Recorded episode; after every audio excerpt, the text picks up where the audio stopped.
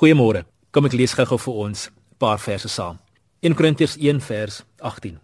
Ek besef hoe belaglik die boodskap van die kruis moet klink vir hulle wat verlore gaan. Maar vir ons wat verlos word, is dit die krag van God. Soos die skrif sê, ek sal die wyse mense se wysheid tot nut maak en die skerpsinniges se briljante idees sal ek van die tafel vee. Vers 20. Wat het dus geword van die filosowe, die boekgeleerdes, die debatvoerders van hierdie wêreld? God het bewys hoe inherënt dwaas die wysheid van hierdie wêreld in werklikheid is. Aangesien God in sy wysheid beskik het dat die wêreld hom nooit deur 'n menslike slimmigheid sou vind nie, het hy dit goed gevind om deur die dwaasheid van ons prediking die wat glo te red. Die Jode wil wondertekens hê om die waarheid van die goeie nuus te bevestig en die Grieke wil 'n vertoon van wysheid hê, maar ons verkondig die gekruisigde Christus. Ek wil jou aanmoedig om om weer erns te maak met die boodskap van die kruis. Ons nou die heel week lekker daaroor gesels en aan die een kant van die boodskap van die kruis kan dit soos dwaasheid klink.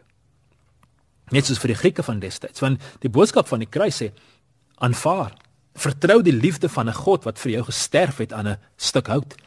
Glo dat daardie offer genoeg was vir jou en vir al jou sondes.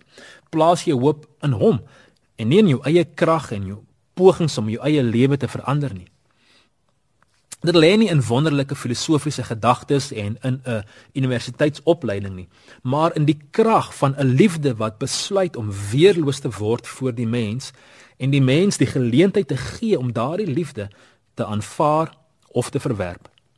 En vandag roep die kruis ons ook tot daardie lewenswyse om weerloos te raak voor God, oor te gee aan hom ons eie planne vir die jaar wat kom op sy te sit.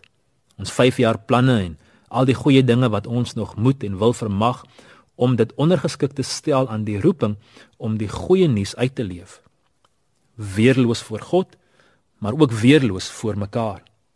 Dit klink soos dwaasheid om weer te vergewe binne 'n huwelik, om nie te oordeel en op ons regte te staan net omdat ons dit kan doen nie en net omdat ons reg is nie om die ander persoon hoër te ag as onsself om om te sê ek is jammer, vergewe my. Om die beste te glo van iemand wat in ons eie oë dit glad nie verdien nie. Om as mans ons vrouens se voete te was, hulle met liefde te bedien hierdie vakansie en nie agteroor te sit bier in die hand en te wag om bedien te word nie. Om as kinders ons ouers te eer al het hulle ons diep in ons binneste seer gemaak.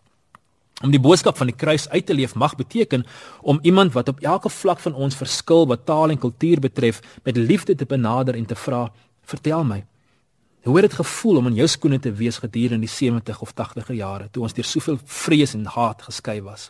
Om die boodskap van die kruis uit te leef kan van ons vra om daardie persoon wat in ons huise werk te sien as 'n broer en 'n suster in Christus, om tyd te maak om hulle te leer ken. Wat is hul drome? Wat is die naam van hul kinders? Waar woon hulle? Wat wou hulle word toe hulle kinders was? Om 'n gesprek rondom die kruis te hê, kan van my op kampus vra om weg te stap van my woede en 'n koffie te drink met iemand wat 'n medestudent is en die wêreld deur hulle oë te probeer sien. Om te luister in steede van om aan te val, om te bid in steede daarvan om te kritiseer, om te vergewe in steede daarvan om klippe te gooi. En wie weet, dalk sal ons dan die wonderwerke sien waarvoor ons almal so hard bid. Totsiens.